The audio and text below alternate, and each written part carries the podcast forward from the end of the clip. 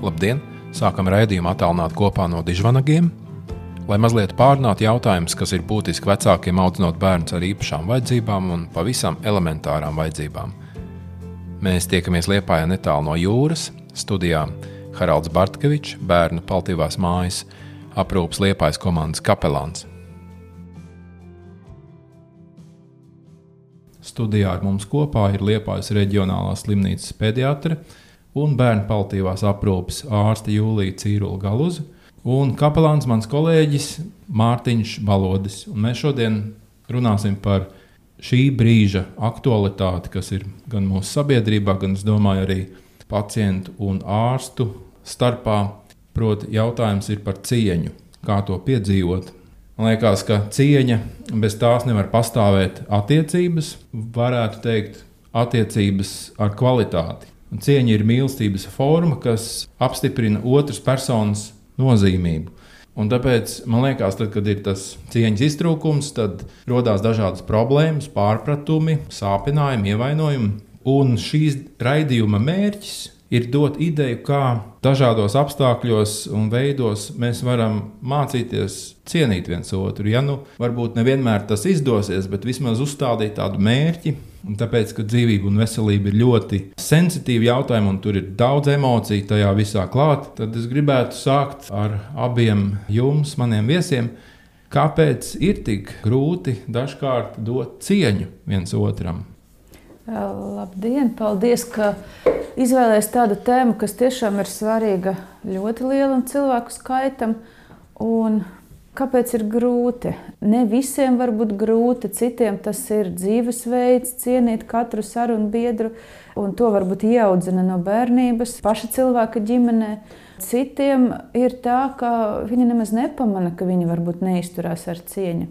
Un pēdējā laikā es ar to saskaros vairāk, jo bija dažas atvaļinājuma dienas, sanāca pastīties sociālos tīklos un ņemot vērā, cik šobrīd ir lielas diskusijas par apvakcināciju un ierobežojumiem saistītām tēmām, ne tikai mūsu valstī, arī citās valstīs. Uzreiz izkristalizējās tas, cik ļoti bieži cilvēki nemaz neieklausās otrā cilvēka paustā viedoklī, jo katram no mums ir sava pasaules karte Bet tā mūsu pasaules karte nevienmēr atbilst teritorijai. Mēs katrs esam savā gada izlaidumā, un arī mūsu kartes bišķiņā atšķirās. Realitāte geogrāfijā kartes, kuras izlaiž Austrālijā, un kartes, kuras izlaiž teiksim, Krievijā, var atšķirties diezgan krietni. Neskatoties uz to, ka tā ir ļoti precīza zinātne. Tāpat tās arī mūsu karte, kas parāda mūsu kā tā pasaule darbojas, kā cilvēku attiecības darbojas, arī katram cilvēkam ir mazliet citādāka. Bieži vien ir tāda atšķirīgie momenti, kuri nu, liek vienam vai otram sākt sevi aizstāvēt vai apšaubīt to, ka viņi tiešām pieņem un uztver nopietni. Mhm. Savā ziņā katram sava karte. Un kas karte... varētu būt risinājums tajā? Jo katrs pazīst tikai savēju, viņš varbūt nav redzējis to otru karti. Mm. Karte nav teritorija, kar, un jāatcerās, ka tā dzīve ir plašāka un ļoti daudz viedokļu, kuri pastāv visu vēsturiski, visu to pasaules vēstures laiku.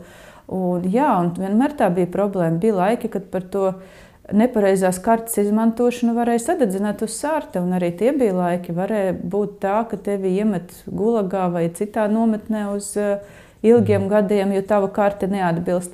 Šobrīd it kā ir tāda bišķiņa mazāka sodamība, bišķiņa mazāk tā, tādas bailes varbūt pārkāpt.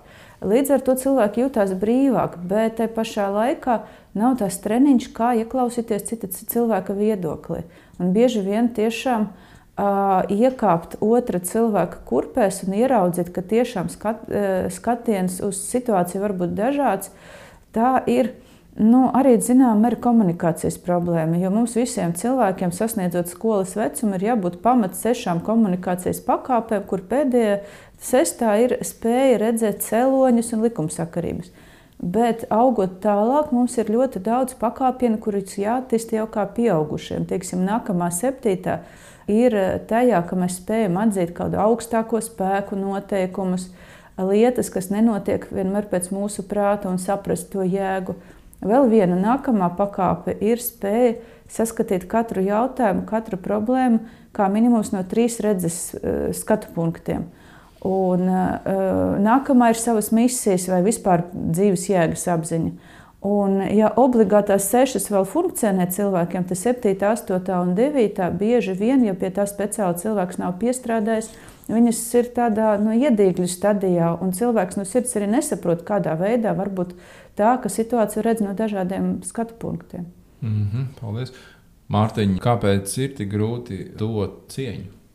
Man liekas, ka, ka es piekrītu tam, ka mēs dzīvojam tādā laikā, vai ne, kā doktoris sacīja jau, ka mēs um, atļaujamies ne, visu kaut ko teikt un, un neierobežojam varbūt arī to savu, savu brīvību izpausties veidos, kas patiesībā jau kļūst sāpīgi citiem.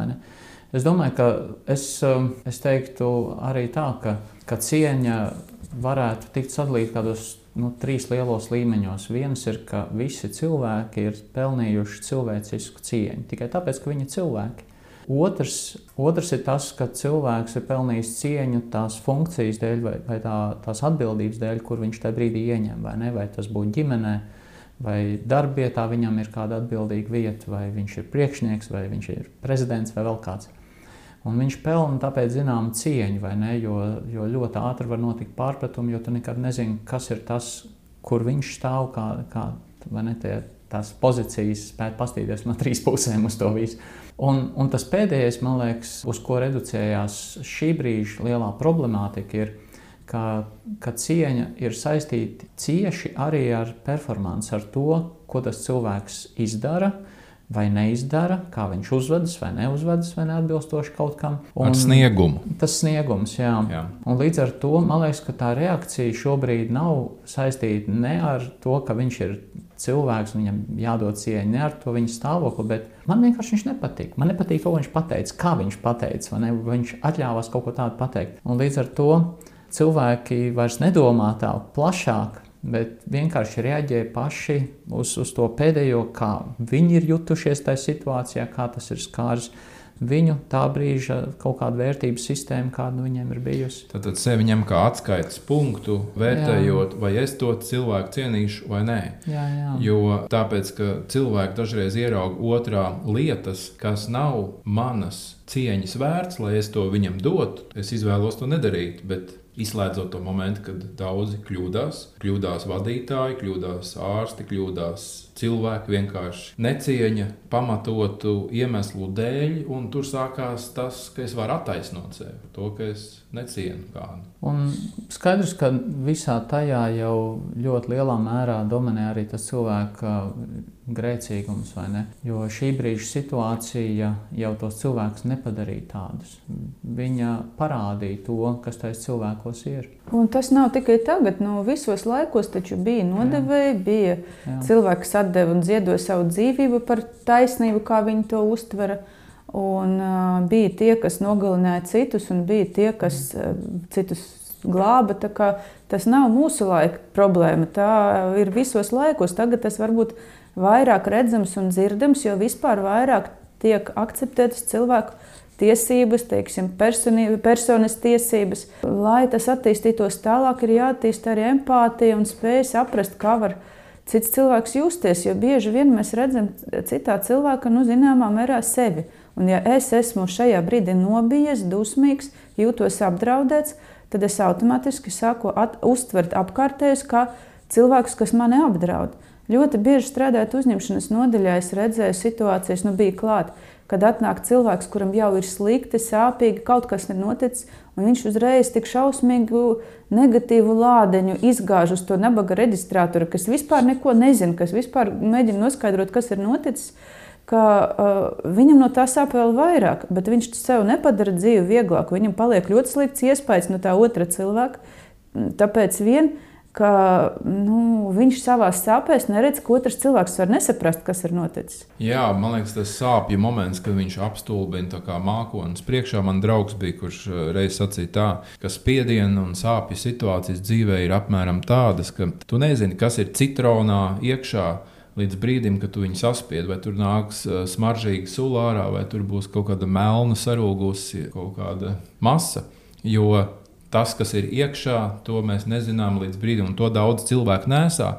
Un, laikam, šis spriedzes laiks, kāds šobrīd ir, ar dažādiem viedokļiem un lielām emocijām, tas kaut kā ir kļuvis par patiesības momentu, kas tad ir sēdējis ilgstoši cilvēkos. Es gribēju pajautāt, ārsti piedzīvo šobrīd spriedzi. Ar ko šobrīd ir ārstiem jāsastāv? Nu, pirmkārt, protams, nu, nevienam jau nav viegli dzīvot pārmaiņu laikos. Bet medicīnā šodien pārmaiņu laiki ir katru dienu un dažreiz katru stundu, jo nodaļas jāpārprofilē, jāmaina kaut kādu um, nu, pieeju pacientiem, pieeju cilvēkiem, kas nāk, uh, kad viņi drīkst, kad viņi nedrīkst, kādam ir jābūt ievērotam, kā ir jārunā, teiksim, lai nu, veicināt drošāku apiešanos. Jo arī tas, ka jāizrāda pacienta piederīgiem, ka nu, pareizi jāuzvelk masku, dažreiz izraisa ārkārtīgi negatīvas emocijas no tā cilvēka, kam tu esi aizrādījis. Bet, ja mēs visi gribam turpināt strādāt, nu, diemžēl šī ir nu, šī mirkļa realitāte, kuru mums ir jāciena. Un... Vai, vai, piemēram, sagatavojot ārstu studiju laikā, ir kāda speciāla programma, kas trenē vai palīdz ārstiem tikt galā ar šādu veidu? Jā, vispār vienmēr bija ārkārtīgi liels trūkums medicīnas speciālistu sagatavotībā, kā psiholoģija, lietišķa psiholoģija, konfliktu risināšana bija vai nu pavisam atstātas novārtā, vai nu pasniegtas ļoti, ļoti minimāli. Tagad gan tā lieta mainās. Tagadēji rezidenti jau tiek sagatavoti krietni labāk, bet jebkurā gadījumā nu, tas neskaitās tāds profila priekšmets un daudz ko ir jāapgūst. Un tie treniņi principā visiem tiem, kas strādā spriedzes apstākļos, kas strādā ar cilvēkiem, būtu vajadzīgas supervīzijas vai bālinta grupas, kas palīdz izvairīties no izdegšanas. Un viens no izdegšanas sindroma pazīmēm ir tas, ka cilvēks paliek cīnisks un viņš nespēja iejusties otrā cilvēka ādā. Un ārsti ir pilnīgi tādi paši cilvēki kā jebkuras citas profesijas pārstāvji. Ja cilvēks ir izdedzis, viņš vairs nedzird, kad viņa runa nes, nesatur cieņu. Pie tam nu, nav cieņpilna. Pie tam ir arī tā, ka viens ar otru kolēģi ļoti bieži izturās diezgan asi ar negatīvu tādu pieskaņu, un tas padara viņu kolēģu dzīvi vēl sarežģītāku. Jo tas nav tā, ka tikai attiecībās ar pacientiem, ar, ar pacientiem arī viens ar otru. Nu, tā, zināmā mērā, ir gan pārslodzes, gan nesagatavotības nu, izpausme, gan arī tas, ka. Uh, nespēku un izdegšanas. Nespēku izdegšanas arī, bet arī apjukums. Tāpēc, ka izmaiņas ir tik šausmīgi daudz, ka tu ejot uz darbu, tu nezini, kas jau paspēja mainīties. Varbūt tava nodaļa jau ir nu, atvēlēta citu pacientu ārstēšanai, un tev ir jā, ātri jāieliec citā profesijā. Varbūt šodien tev būs jāiemācās apieties ar ventilatoriem. Teiksim, šodien mums ir jāvelk tāds tērps, rītā atveda citādākus, un viņus atkal jāapgūst pareizi un droši uzvilkt. Visu laiku nemitīgi notiek pārmaiņas. Un tas viss ir papildus tam pamat, nu, pamatīgam darbu slogam, kas jau ir bijis. Plus arī tā sajūta, kas nepadara dzīvi vieglāku, ka tu nevari pietiekami labi izdarīt savu darbu, jo tev ir krietni samazinājies kolēģi atbalsts, kur ir vēl vairāk noslogot, izmeklējuma pieejamība, samazinās iespēja teiksim, bērniem iziet rehabilitāciju, jo nu, ir lielākas rindas. Ir šausmīgi daudzi faktori, uh, kuri apgrūtina kvalitatīvu palīdzības sniegšanu. Mm -hmm. Mārtiņa, starp OECD valstīm ir bijis pētījums, ka Latvija ieņem godpilno vai otrādi pretēji drīzāk vietu starp skolēnu mobbingu klasēs, kas notiek. Kādā veidā tas, ko cilvēki augot, iegūst, vai, vai ko viņi piedzīvo, vai kā tas viņus traumē, tālāk reflektē uz sabiedrību, tālāk, kā, kad tie bērni izaug lieli, viņi ieņem amatus, viņi sāk strādāt, un viņi tā arī dzīvo un attiecās viens pret otru. Kas ir izēja šādās situācijās? Kur, uz ko mēs varam raudzīties, kur vispār var būt cerība, jo mēs redzam, ka, ja teiksim, ārstniecības iestādē arī strādā tikai cilvēki, bieži vien noguruši, pamatot iemeslu dēļ. Pacienti saņem nepārāk, varbūt vienmēr pieklājīgu pakalpojumu, un otrādi arī atbild ar rūkumu. Tas liekas tā kā tāds nebeidzams riņķis, kur ir izēja. Man, man šķiet, ka tā izēja būs ārpus konfliktā iesaistītām personām. Tas, ko es ar to domāju, ir, ka tajā brīdī, kad, kad piemēram, vienalga tiek pieminēts, vai neteiksim, tas situācijas ārsts, pacients vai ārsts savā starpā kaut kas notiek, un tas notiek ar cilvēkiem skolās un jebkur citur, ģimenēs un, un sabiedrībā, ka tad, kad viens uzbrēc otram, un tas otrs pieņem šo uzbrēcienu, šo signālu, viņš to reģistrē vai neteiksim. Un tad ir variants, vai nu viņš sevi apzināti, neapzināti pasakā, kā tu tā runā, es nebiju to pelnījis, vai ne, kā tu tā vari atļauties. Otrs variants ir, ka viņš noreģistrē, ko tas cilvēks ir izdarījis tikko pret viņu, kā viņš viņu sāpinājis, un viņš sevi nodomā, vai pat pasakā skaļi, tās ir tavas problēmas. Ja? Un, un tie pamatā tie divi varianti, kuros cilvēki noreaģē. Vai nu viņi abi ir atgrūdoši, vai ne? Tās ir tavas problēmas, vai arī tas pirmais, ko es teicu, vai ne, kad cilvēks vienkārši saka, kā tu vari tā, es to neesmu pelnījis, un aiziet vesels jūgls, viņš iesaistās. Patiesībā tā situācija ir tā, ka tā iesaistīšanās notiek tāpēc, ka cilvēks atpazīst reakciju. Viņš atpazīst to, kā tas otrs tikko man uzbrēcis, jo viņš jau patiesībā ir spējīgs tieši uz to pašu un dara to pašu. Un ļoti reti tiek apskatīts trešais variants, kā reaģēt, proti, piedot. Un, un, un spēt eh, pieņemt, ka tas cilvēks ir tāds, kāds viņš ir. Nevis teikt, tās ir viņa problēmas, bet, bet viņš ir tāds, kāds viņš ir. Nevis nosaucot to par problēmu. Vienalga, vai es to saucu par viņa grēcīgumu, vai es to saucu par viņa tā brīža spriedzi, kurā viņš ir nonācis, vai viņa vājums, vai vēl kaut kas, vēl kaut vai raksturiezīme, vai vēl kaut kas. Bet, eh, bet man viņš ir jāpieņem. Un tikai pieņemot un piedodot, jā, atdodot to kādam citam ārpus sevis un iesaistītās personas, es spēju turpmāk dzīvot neietekmēts. Tas ir vienīgais variants. Mārtiņ, es jau ausīs dzirdu klausītāju sašutumu vētru. Piedot uh, par ko? Par to, ka man tiek nodarīts pāri kādā veidā. Kas tas ir? Ko tu tur saki? jā, jā. Pāri darījums vienmēr sāp. Jo parasti sāp tas, kas skar mūsu kaut kādu vērtību. Vienalga, vai mēs runājam par vērtību sistēmu vai par vērtībām, kas mums vispār ir un, un kas mēs paši esam kā vērtība. Bet, um, bet piedošana ir izvēle neturēt to, kas pret mani ir izdarīts, neturēt to pret otru cilvēku. Jautājums ir, ko tas palīdzētu, ja es turpinātu uzturēt kā, kā kaut ko, ko es turu pret viņu? Pilnīgi neko. Pirmkārt, tas grauj man pašu, otrkārt, Dievu priekšā man ir jāapzinās, ka tieši tāpat kā es Dievam atbildu par savu rīcību un dzīvi, tas cilvēks arī atbild. Un tajā brīdī, kad es izvēlos kaut ko turēt pret to cilvēku, es netiešā veidā uzņemos atbildību par viņa rīcību, tā it kā es varētu par to atbildēt. Es nevaru par to atbildēt. Mm -hmm. Un paturot to sevī, es jau kļūstu atbildīgs Dievu priekšā, ka es nesu to, ko es nekad neesmu. Tikai pusi no tā. Tas nav veids, kā es pats kļūstu brīvs no tā, ko tas cilvēks man izdarīja. Tas ir veids, kā es kļūstu brīvs no tā, uh, Dieva priekšā, kā es kļūstu brīvs no tā, ko Dievs no manis nekad negaida. Jo Dievs ir tas, kurš prasīs tam cilvēkam atbildību par viņa rīcību, nevis man. Ne? Un tāpēc atdošana ir milzīga dāvana patiesībā no, no kristīgā redzes viedokļa, kur, kur es varu apzināties, ka Dievs mani nes, ka Dievs arī otru cilvēku ir gatavs nest, ja vien viņš to zinātu. Jā, nu tā ir tā lieta, kad man liekas, ka tad ir jābūt cilvēka pieredzē, dievu piedzīvojumam. Un e, bez tā Jā. pat sevi izmantot kā resursu piedošanai, es nezinu, vai tas ir reāli. Jo, ja tu piedzīvo, tu pats tev pašam piedodas, un tu zini, kas tas ir, piedod.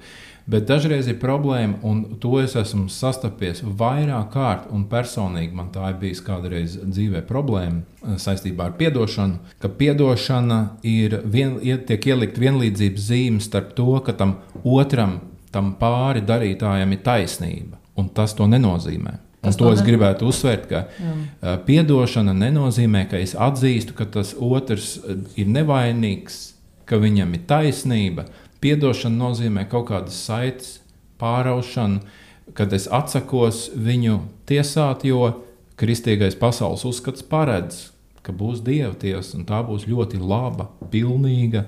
Un uh, viņš izvēlās to šobrīd nenovest līdz galam, jo cilvēks vēl ir procesā. Mēs visi esam procesā. Lieliski. Bet vai nav tā, ka atdošana, teiksim, ja es nerunāju tādu no garīga viedokļa, mm -hmm. ka piedot tieši to cilvēku, kas ir vainīgs, kas kaut ko izdarījis pāri, līdz ar to pirms piedot, ir vispār jāsaprot, kas, kas tur notiek. Jo nevienmēr lietas būtība ir tajā, ko mēs tur dzirdam un redzam. Man liekas, ļoti Jā. svarīgi, tad, kad notiek tā konflikta situācija, kaut vai tu zini, ka tev ir simtprocentīgi taisnība, ka tā nav, kā tas otrs cilvēks saka. Būtu ārkārtīgi svarīgi iepauzēt un mēģināt saprast, kāpēc tā reakcija sākās.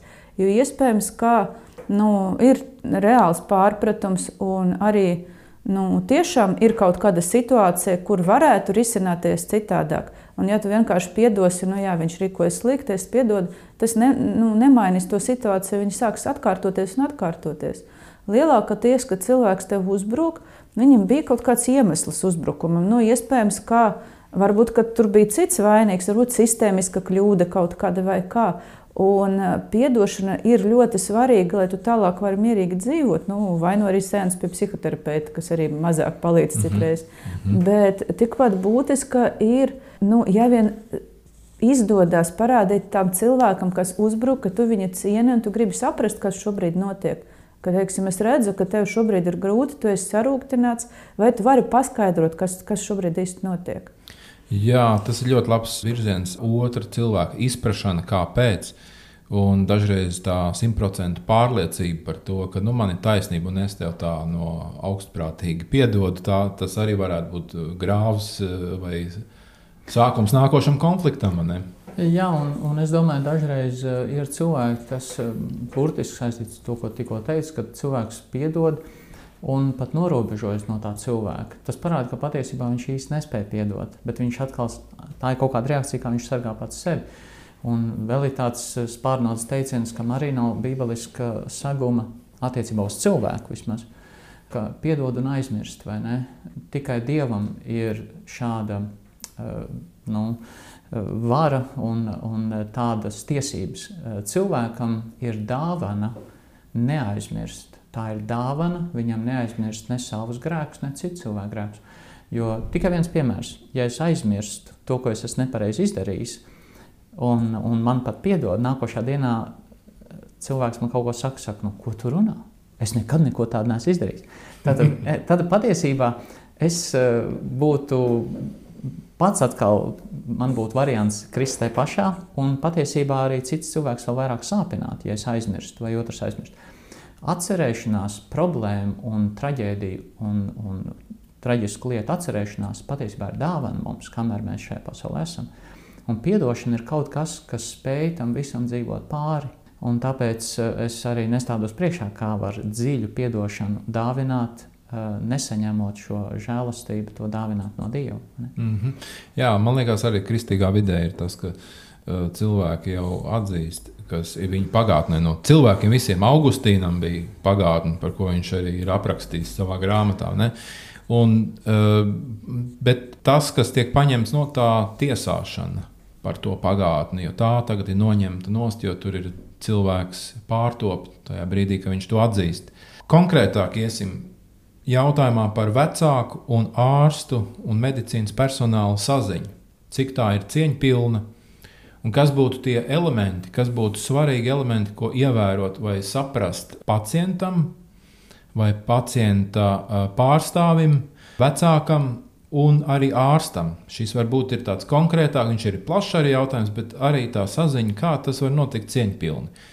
Jo it īpaši, ja bērnu veselība, mana bērna veselība ir aiz problēma, ja, tad es vēl vairāk esmu sensitīvs par to kā iet cauri tam.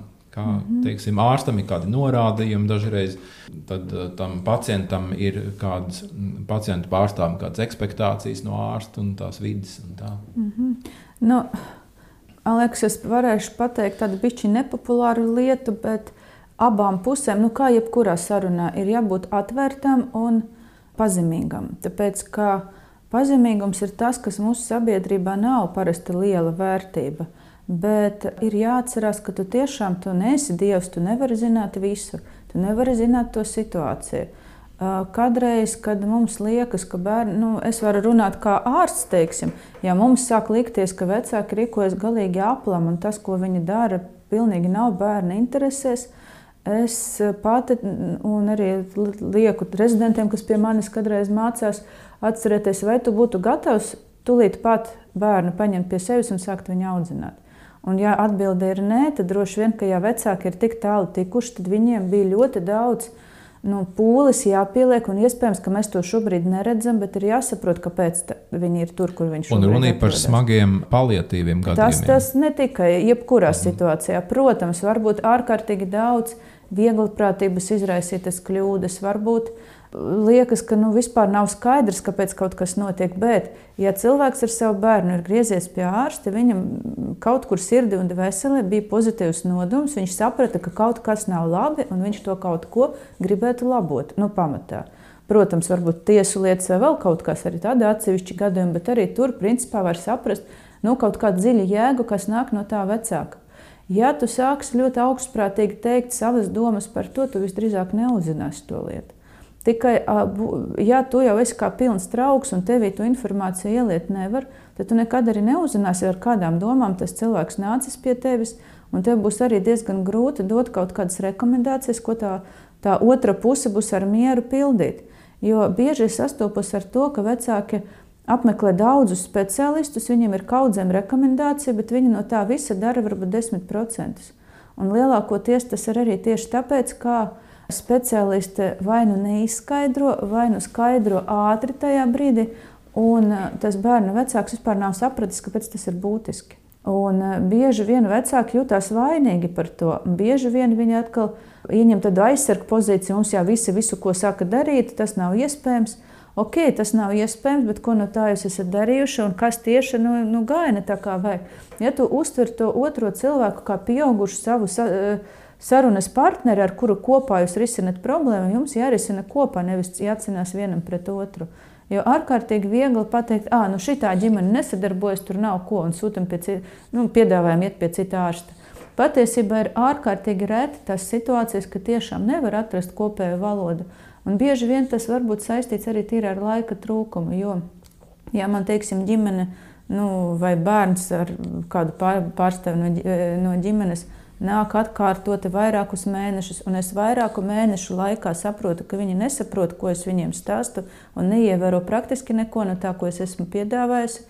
Tad es sāku domāt, ka nu, droši vien mans runas veids tur neder, ka nu, iespējams, ka es nemāku pastāstīt tā, lai cilvēks ieklausītos un lai tas būtu viņam būtiski un svarīgi.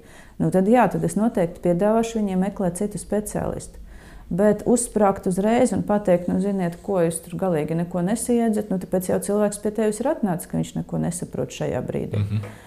Un arī, ja es kā bērna vecāks, jo man arī ir vairāki bērni, un līdz ar to es ļoti bieži esmu bijusi tādā situācijā, kā es kā bērna vecāks eju pie speciālista, es ļoti gaidu to, ka tas cilvēks pretī būs gatavs man atbildēt uz konkrētiem jautājumiem, un nerunāsim vispārēji, bet, bet nu, tieši par manu bērnu domājot, kā mēs no šīs situācijas varam tikt ārā.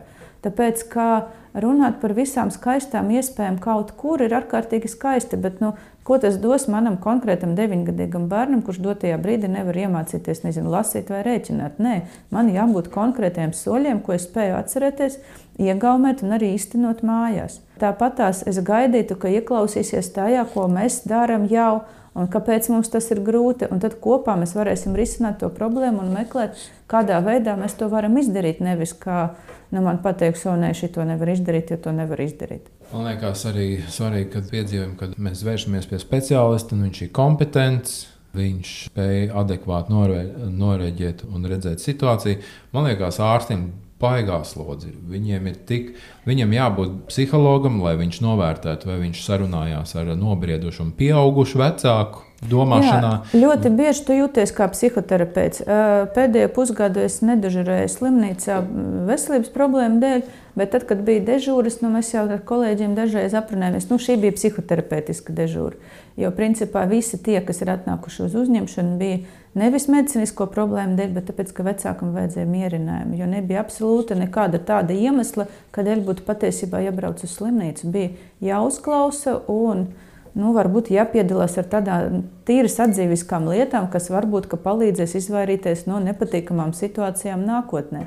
Bet arī ļoti bieži slimnīcā uznāk teiksim, vecākiem tādi sabrukuma momenti, kad liekas, ka viss ir slikti, viņiem neviens neko nav skaidrojis, viņiem nav skaidrs arī tā, tās plāns, kas būs tālāk. Nu, kamēr es vēl strādāju bērnu kliniskajā slimnīcā, arī pa naktīm, Nu, tas arī bija tādas psihoterapeitiskas sarunas, un parasti naktīs, un tad tā saruna prasa stundu vai pusotru stundu. Un es ļoti labi saprotu, ka pa dienu tam ārstošam ārstam var nebūt tā stunda vai pusotra stunda.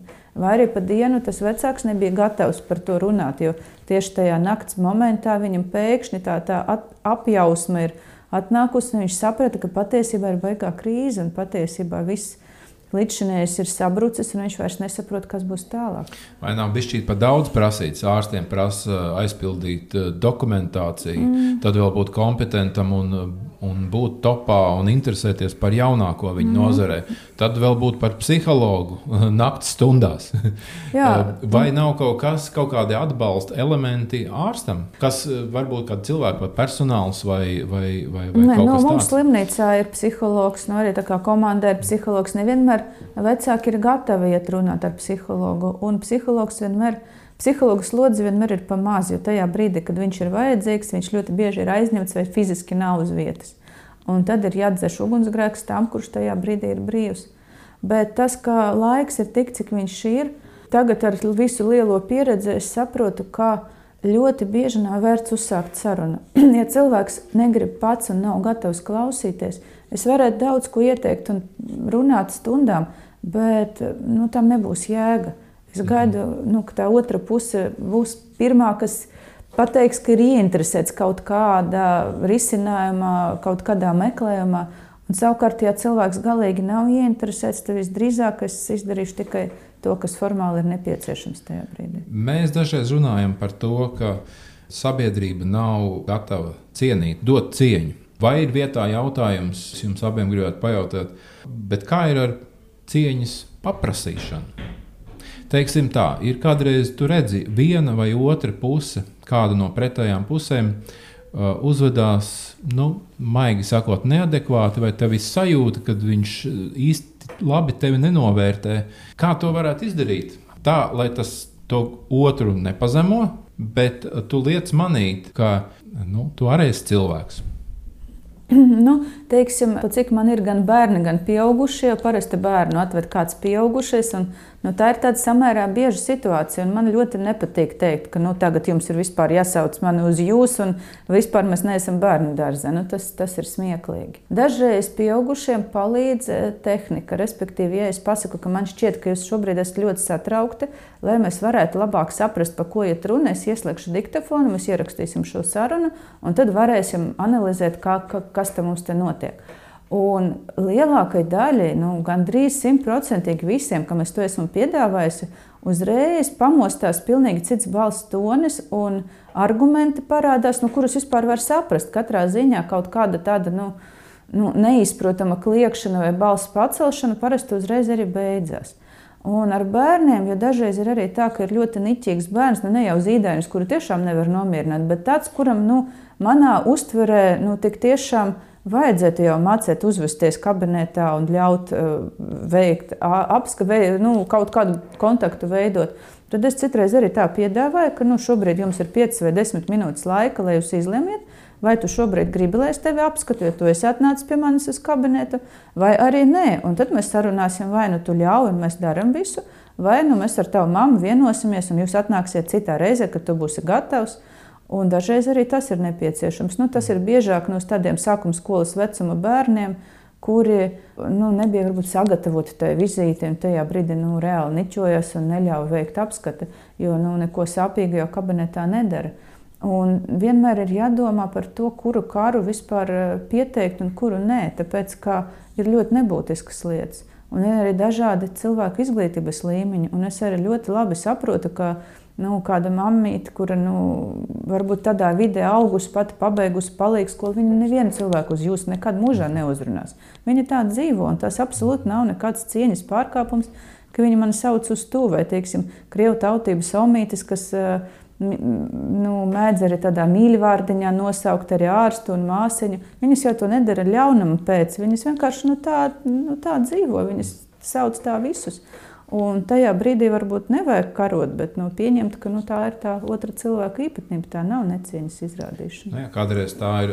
Tu vari just kaut kā ar muguras smadzenēm, ka tas tu izskan kā tāds vulgārs, kad es esmu noteicējis priekšnieks. Mm -hmm.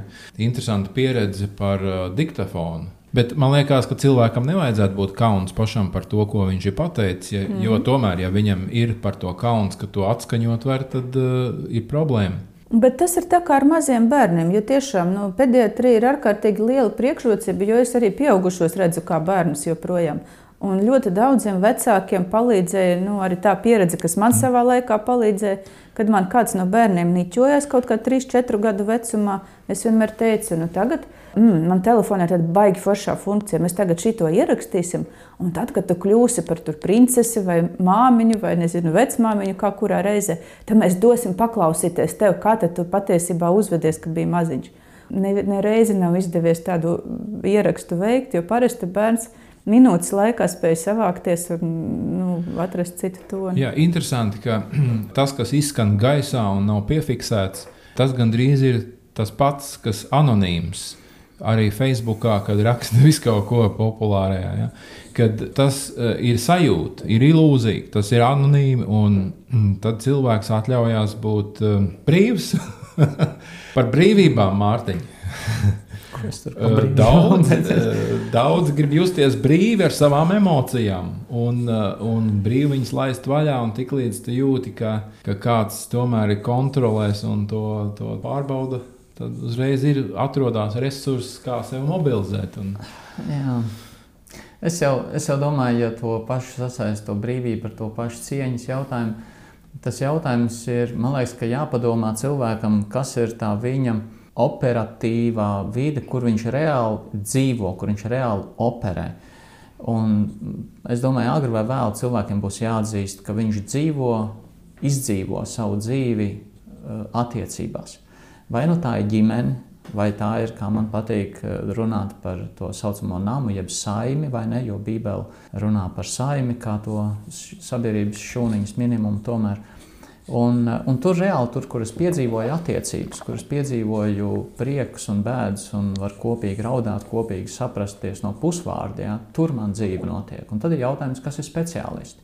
Savā ziņā arī tas, kurš eh, pieved eh, veikalam pienu, ir speciālists, vai ne? Jo viņš ļoti šaurā jomā palīdz, viņš pieved pārtiku, un es eju to pārtiku nopirkt. Man nav nekādas attiecības. Es aizieju pie ārsta, es saņemu konkrētu padomu vai, vai recepti, vai ne. Un es varbūt, ja tas ir ļoti šaurs joms ārsts vai ne, kas nav mans ģimenes ārsts, kurš man palīdzēs uz visām pusēm kaut ko vēl bišķiņā. Ja, un dos nozīmējumus, bet, ja tas ir nu, tur, saistīts tikai ar manas kājas lielo pirkstu, jā, tad, tad varbūt es viņu dzīvē vairāk nekad neredzēšu. Un, un vienreiz būšu aizgājis, viņš vienreiz būs izoperējis, palīdzējis, izdarījis, nozīmējis, ne, un turpat attiecības neizveidojas. Un tāpēc es domāju par cieņas pieprasīšanu?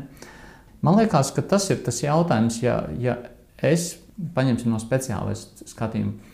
Ja es kā speciālists sagaidu un atnāku pie manis cilvēku, kur baudu to manu produktu piedāvātāju vai to palīdzību, ja es sevi redzu saimnes kontekstā, proti, attiecības ir tas, kas tam cilvēkam vienalga ir pats svarīgākais. Kaut arī šai brīdī, šai, šīs 15 minūtes, viņam vajag manu palīdzību. Bet attiecības ir tas, kas viņu dzen, no kā viņš pārtiek, kas viņam liek raudāt un smieties. Un ja es tajā līmenī spēju ar viņu sazināties, to izvirzot par lielāku prioritāti nekā vai viņš man sauc par doktoru vai par, par uh, es nezinu, vēl kaut ko, vai nonicinās mani, ja, tad, uh, tad man liekas, man ir vieglāk jau. Un arī man būs vieglāk vienalga, vai viņš mani bišķiņi novērtēs kaut kur ar tādu izglītība vai pacels man augstāk nekā kur es esmu. Ja es sapratīšu, ka man ir svarīgākais tas cilvēcīgais moments, tā, tā mīlestība, tā saskarsme, tā palīdzība, ne, cilvēks, tā pazemība, ar to pazemību un līdzvērtību skatīties vienam uz otru. Jo mēs visi esam cilvēki, un mums visiem ir tās pamatvajadzības. Un, un šodien man vajag viņa palīdzību, rīt viņam vajadzēs mana palīdzību. Un es tā es domāju par cilvēkiem, starp citu, es tikai piemēru, bet lūdzu neapvainojieties. Neviens, ja kāds strādā, piemēram, servisā, vai ne? Es kādreiz ienāku servisā ar kaut kādu palīdzību, prasu, vai ne? Un kādreiz servisā vai, vai kādā citā speciālistā, tāpat mediķi tā ir, viņi uzvedās un izturās tā, vai ne? Kad viņi ir pasaules nabas. Viņi visi saprot, nu, kas tu tāds esi, tu taču nesaproti šo. Un tad man ir bijis jādomā, kā es izturētos pret šo cilvēku, ja viņš atnāk pie manis uz pastorālu sarunu. Es ar viņam tā likt saprast, nu, ko tu te vispār gribi no manis. Protams, ka nē, bet tas cilvēks nepadomā. Viņš mājās ejot, viņš izmanto citu speciālistu palīdzību. Un viņš nedomā par to cilvēcīgo momentu. Tātad vēlreiz viss man garā runāšana ir atpakaļ uz to, ka attiecības ir pats svarīgākais cilvēkam. Un, ja viņš nedomā par to tajā brīdī, vienalga, vai viņš ir speciālists, viņš iet pie speciālista. Nu, skaties, tās ir attiecības. Jūs visi viens otram vajadzīgi. Šodien rīt. Un izējot no tā. Ja, no katrām attiecībām mēs kaut ko mācāmies. Un šo es tā klausos par to, ka, nu, kā izturās teiksim, kāds speciālists. Un es domāju par to, ka arī otrādi citreiz nav labi. Un, ja es atnāku servisā un man meistars labu gribēdams saka, visos sīkumos stāstīt par to, par, tā, par to problēmu un rada fotogrāfijas. Es jūtos tā, tik briesmīgi. Es domāju, cilvēks mīļais, es tur neko nesaprotu. Es nemaz negribu. Manā izpratnē ir labi, ka mašīna sāk braukt. Vēlams, lai viņi to nepārtrauktu darīt, tad, kad nevajag. Es nemaz negribu sīkāk. Un tad es brīžiem pie sevis domāju, nu jā, kā es jūtos, ja man atnāk vecāki un saka, man, mums tikai recepti, mums neskaidrojot neko. Nu, droši vien, ka arī nav patīkami. Nu, tur jau arī nu, laikam, nostrādā tā cieņa. Bet jautājums man liekas, bija vēl bišķi par citu, par brīvību arī izteikties komentāros, teiksim, pie rakstiem. Un, eh, un tas arī zināmā mērā ir eh, garīga atbalsta un psiholoģiska atbalsta trūkums. Uh, atkal šī nedēļa man bija tāda īpatnēja pieredze. Man vajadzēja visādas izmeklējumus pašai iziet, un līdz ar to bija jāsēž rindās brīžiem. Nu, nu nebija ko darīt tajā brīdī. Un tad es arī palasīju komentārus internetā. Un man nāca smiekli, kad es izlasīju vienu nosaukumu, un tad rakstu, un tāds bija neveiksmīgs nosaukums. Un tad es izlasīju komentārus. Un no visiem komentāriem es sapratu, ka tikai viens izlasīs tālāk par nosaukumu, bet visi tie komentētāji principā izlasīja tikai nosaukumu. Un līdz ar to arī tas eh, norāda uz to, ka tie, kas raksta kaut kādus komentārus, viņi principā runā paši ar sevi. Viņa, viņš Jā. atrod iespēju vismaz kaut kur viņš var kļūt dzirdams ar to, kas viņa dzīvē notiek. Nu, jā, jau tas paliek redzams, ne tikai dzirdams. Jā. To arī man liekas, daudz tādi šī laika domātāji arī uzsver un saka, ka mūsdienu kultūra ir vairāk vizuāla un lozungu kultūra. Kaut ko dziļāk rakt pētīt, tas, vairs, tas ir pārāk darbietilpīgi dodiet mums populāru, zinātnisku, tas ir labākā gadījumā, viedokli. Un kaut kur iedziļināties, un mārciņa teoloģijā, un pētīt vēl grieķu valodā, ko teksts saka, tas ir varbūt tikai daži roku pirkstiem cilvēki gatavi iet tādā dziļumā. Tāpēc visas tās fake teorijas tik ārkārtīgi populāras visur, ne jau tikai pie mums, Krievijā, Anglijā, Amerikā, taču veselas kustības par to, ka Zeme ir plakana un Covid neeksistē, tas jau ir ļoti populāri. Un kādreiz, kad man bija bijis vairāk laika, es pāris tādus ļoti emocionālus rakstus izanalizēju, nu, respektīvi ar visām atsaucēm, aprakstot, kāpēc tas īsti neatbilst īstenībai. Protams, tāpat tās var analizēt arī nu, zinātniskus rakstus, un arī tur bieži vien ir kam piekasīties. Bet pamatā tur tomēr ir savi ierobežojumi, kas neļauj stipri uh, apvērst otrādi kaut kādus faktus, uz kuriem atsaucās. Bet tur, kur ir nu, teiksim, Facebook līmenī, tur ir ārkārtīgi daudz uh, tādas, tāda raksti, kur ir atsauces apakšā, bet tas atsauces vispār nevērās vaļā, tāpēc ka tas raksts nemaz neeksistē. Vai ja tu viņu atver vaļā, tad tur ir pilnīgi izrauts no konteksta teikums, kas absolūti neko neparāda, izņemot to, ka nu, tas, kas viņu izlasīs, nu, nebija īsti draudzējis ar matemātiku, un teiksim, nav īsti sapratis atšķirības starp procentiem un teiksim, daļskaitļiem un nu, vēl kaut kādiem teiksim, statistiskas, īpaši statistikas vienībām, kas nu, reāli ir sarežģīti un arī prasa momentu, lai iedziļinātos. Tagad es vairs to nedaru, jo man liekas, ka tie cilvēki, kas vēlās zināt, viņi jautā. Tie, kas nevēlas zināt, viņi nelasīs arī to manu garo rakstu. Nav vērts pārliecināt, jo mēs diemžēl dzīvojam uh, laikmetā, kur varētu likt virsrakstu maza kompetence, bet liela taisnība. Mm. Tas noved pie tā, ka maz patiesība. Nē, bet nu, tā jau ir. Tas ir vispārējais likums. Jo ja mazākas ir cilvēka zināšanas kaut kādā jomā, jo lielāka ir viņa pārliecība. Zināšanu apjoma pieaugums mazina pārliecību, tāpēc ka iespējams, ka ir vēl kaut kas, ko es nezinu.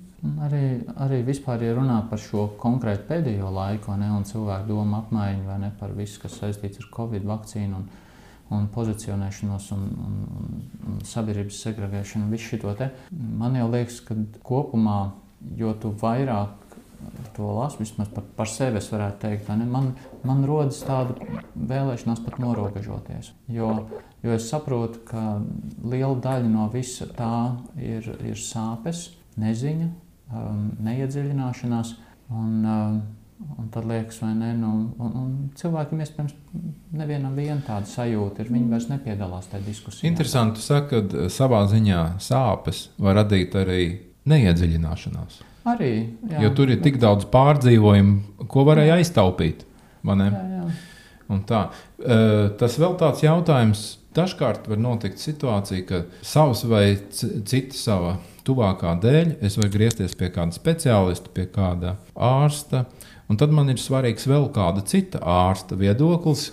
Tas nenozīmē, ka es tagad viņus abus salīdzināšu, bet ir vēl kāds viedoklis. Un tad, kad tas pirmais ārsts ir uzzinājis, ka es esmu bijis vai interesējies par šo situāciju, man interesējošo situāciju pie vēl viena speciālista, es esmu piedzīvojis spēcīgas emocijas, un es nevaru saprast, kāpēc.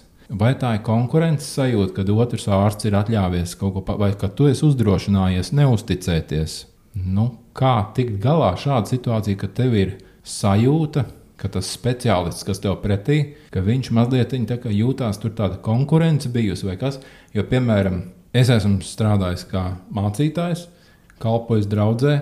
Un, ja mans draugs loceklis par kādu tēmu, ko es esmu kādā svētdienā sludinājis, tagad dotos pie Mārtiņa Baloža un viņam uzdot jautājumu, kā tur īsti ir, vai tas Haralds Bartkevičs tur pareizi par to ir izteicies vai nē. Es teiktu, ļoti labi, cilvēks meklē atbildes. Es nevaru privatizēt viņu. Viņš ir brīvs cilvēks, viņš var iet un uzdot vēl desmit mācītājiem to jautājumu. Šāda situācija ārstu vidē. Nu, tur ir tāds mazliet nevienlīdzīgs. Nu, dažādas situācijas var būt. Pirmkārt, ja kaut kas attiecas uz situāciju, kur jārīkojas ātri, nu, pieņemsim infekciju slimību, kas apdraud citus, lūzums, nu, kaut kāda tāda nopietna lieta, nu, tad es arī laikam jūtos sarūktināti, ja cilvēks nevis tur atvieglotu tā sava bērna ciešanas un sāktu ārstēt, bet meklētu vēl trīs speciālistus. Bet lielākoties neiet runa par tādiem gadījumiem. Lielākoties iet runa par gadījumiem, kad tiešām var būt dažādas pieejas. Nestoties uz visiem algoritmiem medicīnā, medicīna vēl joprojām ir māksla un var atšķirties viedokļi, var atšķirties pieeja. Un, ja teiksim, es redzu, ka vecāki nav pārliecināti par kaut ko, es parasti arī iesaku griezties vēl pie kāda aprunāties. Bet man patiktu, ja tā saruna notiktu vēl uzreiz, nu, kad mums ir tā konsultācija. Es arī jūtos mazliet jocīgi, kad nu, man pēc tam atnāk pēc trīs nedēļām un pasaka, ka mēs vēl bijām pie šī tā un pie šī tā, un tur mums teica tā, un tur mums teica tā. Un tad es domāju, no, kāpēc jūs atnācat pie manis atpakaļ, un jūs varētu tā arī turpināt. Es parasti saku, bet jums ir jāizvēlas viens, kuram jūs tad uzticaties un turpināt kopā ar to cilvēku. Jo sanāk tā, ka nu, man tad nostāda tādā nu, muļķu lomā gandrīz vai nu, tagad man no visām šīm rekomendācijām ir jāizvēlas. Es varu pateikt tikai to pašu, ko es pateicu pirmajā reizē. Jo, ja cilvēkam, nu, citam specialistam ir savi apsvērumi, kāpēc tur vajadzīgi papildus izmeklējumi, tur noteikti ir noteikti, nu, nopietni apsvērumi, bet tad ar viņu arī tālāk jārunā. Teiksim, izmeklējuma rezultāti ir tādi, ko mēs darām tālāk. Es bieži piedāvāju noteikti noskaidrot vēl arī citu cilvēku viedokli, citu speciālistu viedokli, bet šādi tad tās iespējas noskaidrot viedokli ir ierobežotas, jo ir rindas. Un ne katru reizi tu vari atļauties to gaidīt. Un bieži vien, ja vien es vērojos arī caur portālu rakstu, kur ir kaut kāda prioritāra konsultācijas iespēja vai speciālistu konsultācijas iespēja bērnu kliniskajā slimnīcā, ja tā ir kaut kāda nu, nepārāk bieža slimība vai slimība ar tādu nu, šaubīgu gaitu, kur tu tā īsti nezini, kā labāk rīkoties vai ko tieši no visiem piedāvājumiem izvēlēties. Um, varbūt arī tas moments, ka ja cilvēks nejūtās īsti pārliecināts par sevi un baidās kļūdīties, Tad, ja iet pie cita speciālista, viņš domā, ka, nu, jā, un arī tas pacients manī šaubās, un tas uzjundīja kaut kādas emocijas, kurām nu, cilvēks nav īsti gatavs. Nu, droši vien, ka es arī sevī kādreiz šitā lieta noķēru. Bet es ļoti labi saprotu, ka es nevaru zināt visu. Bet man ir kā labāk patiktu jau zināt, pie kā cilvēks plāno tālāk doties, tad mēs arī varam sarunāt, ko varbūt vajadzētu darīt jau tagad, uzreiz, bet ko var pagaidīt līdz tai nākamajai konsultācijai, varbūt speciālists konkrētajās lietās pateiks citādāk. Nu, atkal, teiksim, no pacienta vai pacienta pārstāvja viedokļa, varbūt eh, negribās uzreiz to ārstu skriet un traucēt. Un tāpēc mm -hmm. pajautā kādam ārstam, kas turpat pie rokas, vai kad, nu, tā, ne jau tāpēc, ka apzināti ir apšauba kādu no. ārstu viedokli, bet nu, vienkārši radās tādas neveiklas situācijas. Nu, tas ir ļoti cilvēcīgi, jo nu, es arī brīžiem nu, attopos pie tā, ka man pacients nu, pierakstīts, atnāk un saka, jā, bet vakar mēs jau bijām pie tā, un rīt mēs pierakstījāmies vēl pie šī un šodien mēs esam pie jums. Un tad man brīžiem ir tāds jautājums, no ko jūs šobrīd vēlaties no manis. Nu, Nu, tā, tā, tā kā, jo cilvēkam katrā ziņā viņš iet pie vairākiem specialistiem, viņam ir jābūt skaidrai, saprotamai idejai, kāpēc.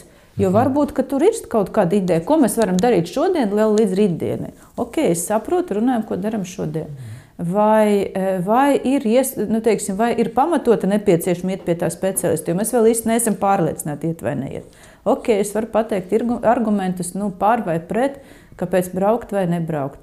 Bet, ja tu jūties viens no ierindas, pie kuriem tur ej, tas vēl nav tās sliktākās situācijas. Tas sliktākais ir tādas, kad mamīte ar bērnu atnāk un es prasu, nu, kas jums ir uz sirds, kas noticis, mūs atsūtīja. Un eh, tas, kas atsūtīja, nu, pieņemsim, ģimenes ārsts vai kādreiz tur kāds speciālists slimnīcā, un es jau vispār negribēju nākt, bet man lika, nu, vai bāriņu tiesa, teiksim. Tad ir ārkārtīgi grūti, jo nu, sākumā vajag pārvarēt to nu, naidīguma sienu, jo cilvēks pats nav gribējis, viņam lika aiziet, tāpēc ka nu, iespējams, ka viņa aprūpes standarti nu, nav pietiekami augsti un viņš vienkārši netiek galā ar vecāku pienākumiem. Viņš jutās apdraudēts, jo viņam liekas, ka es to uzrakstīšu, ka viņš ir slikts vecāks, un tad viņš varētu nu, riskēt zaudēt to bērnu. Tad mums tā saruna, nu, nu, sākumā vajag pusstunda psihoterapija, lai es vispār to cilvēku kaut kā saprotu, nu, ko viņš pats redz un domā, un kāpēc viņam vispār varētu būt vajadzīga nu, ārsta palīdzība viņa bērnam, kas vai kaut kādu jautājumu, par ko viņš šaubās. Tas ir tas, tas trakākais. Tas, laikam, man kaitina vairāk nekā tie, kas iet pie vairākiem ārstiem, nu, pie vairākiem ārstiem, man dažreiz paliek žēl vienkārši medicīnas resursus. Jo, ja cilvēkam jau ir pieraksts pie viena konkrēta speciālista pēc trīs dienām, nu, varbūt nevajag iet pie cita, nu, pagaidiet, pēc tam varat kaut, nu, ja nav skaidrs, atgriezties. Jo par katru jau to epizodi tomēr valsts maksā naudu. Nu, nerunājot, no nu, ok, man būs bijis lielāka alga, bet es nejūtos nopelnījis to naudu. Ja es principā, jebkurā gadījumā bez tā speciālista slēdziena neko tālāk nevaru runāt un rakstīt. Mhm. Mārtiņ, es, es tā domāju, tu jau um, izklausies ļoti ideāli, vai ne? Um, un tas ir labi būt labās domās par saviem kolēģiem. Bet es tikai domāju, ne, ka dažreiz pieminēju arī, ne, ka patiesībā jau parādās ne tikai tas uh, speciālistu viedoklis, bet parādās ļoti personīgi ievainot uh, tādas personības viedoklis. Arī, tas cilvēks jūtas es nezinu, vai apdraudēts, bet viņš jūtas, varbūt es taču esmu labāks, tāda augstprātīga? Nu, kā, ko tu tur vispār citam kādam jautā, vai ne? Un man liekas, ka tā tad ir problēma. Nu jā, pazemības trūkums, jo pazemība nekur nemāca, ne medicīnas fakultāte, ne kādā vecāku skoliņā. Tad, tad ir grūti. Jā. Nu, jā. Vieta, kur teoloģija izvērsties. Arī bet, tā prasa pazemīgu sirdi. bet, principā, Jā, mēs noteikti. ejam uz labo pusi. Tad, kad es atnācu strādāt medicīnā, tad viennozīmīgi bija tā, tāds pretstats, jo jebkurš speciālists Rīgā, pie kura brauc, teica, kā à, jūs no turienes? Oi, nu jā, nu tur jau neviena normāla ārsta nav. Labi, ka jūs esat atbraukuši pie mums. Kādas muļķības jums tur teica, ko vajag darīt? Un savukārt, tad, kad cilvēks ir bijis pie Rīgas ārstiem un braucis nu, jebkurā nu, ārpus Rīgas vietā, Uh, tad atkal bija pilnīgs, nu, ko tie Rīgas gudrinieki jums teica. Nu, jā, viņi savos augstos plauktos, viņi jau to reāli dzīvi nesaprot. Nu, ko jūs šito savam bērnam plānojat darīt? Nu, tā bija tāda nu, pretstāta, piemēra, nu, daudz bija. Un, nu, tā jau arī bija. Mums bija Rīga un lauki, un viss tas, kas nav Rīga, ir pilnīgi nekas. Un atkal, savukārt, tie, kas nav Rīgā, bija mēs un tie gudrinieki, kas neko nesaprot no praktiskās dzīves. Tagad, pēdējiem 20 gadiem, tā plaisa ir krietni mazāka. Nu jau, nu jau ir tiešām panākta sadarbība. Un, vairs nav tik izteiktas attieksmes. Protams, ir jau iespējas, kas ir Rīgā, ir iespējas, kas ir uz vietas, nevienmēr viņas sakrīt. Tam arī nav jābūt tā, ka viņas sakrīt. Nav jābūt visiem smalkiem izmeklējumiem, pieejamiem perifērijā. Bet tā savstarpēja cieņa nu, speciālistu vidū ir uzlabojusies. Ah, tā ir labi dzirdēt, jo kaut kāds gads atpakaļ, kad es gāju pie zobārsta, attaisīju muti vaļā, un uh, zobārsts bija šokā. Kas jums šito ir uh, tur lipinājis? Un tad es aizgāju pēc brīža atkal pie cita speciālista. Tad par to iepriekšējo. Un es domāju, tā ir tradīcija. Zināmā mērā, jā. Un tad tu kā pacients jūties vainīgs. Nu, kā tad es varēju atļauties iet tur, kad tu. Jā, un es gribētu, mēs tuvojamies noslēgumam. Es gribēju pat, pateikt arī lielisku piemēru, ko man nācās piedzīvot Liepājas slimnīcā. Nesen man sieva laida pasaulē bērniņu, un tur bija lieliska vecmāte. Un e, mums no sākuma likās, ka ir vajadzība pēc epidurālās anestezijas, jo e, pēdējās dzemdības, kas iepriekš sievai bija, e, bija ar lielām sāpēm, un tur bija komplikācijas. Un, um, un tā kā ieminējāmies, nu, ka varbūt ka varētu to darīt ļoti profesionāli, ar argumentiem, paskaidroja, izskaidroja, kāpēc nav nepieciešams. Un, uh, tas bija lieliski, bija lielisks rezultāts un um, pateicība arī vecmātēm Liepājas reģionālās slimnīcas uh, slimnīcā. Lieliska sadarbība bija izmantoju dienas stāvokli pie mikrofona, kā raidījuma vadītājs. Šodien studijā ar mums kopā bija Liepais Reģionālās slimnīcas pediatri un bērnu palīdzīvās aprūpes ārste Jūlija Cīrula Galuza un kapelāns mans kolēģis Mārtiņš Balodis. Runājām šodien par cieņu. Paldies, bet šī tēma turpināsies citos kontekstos, citā veidā. Paldies jums par dialogu! Visu labu!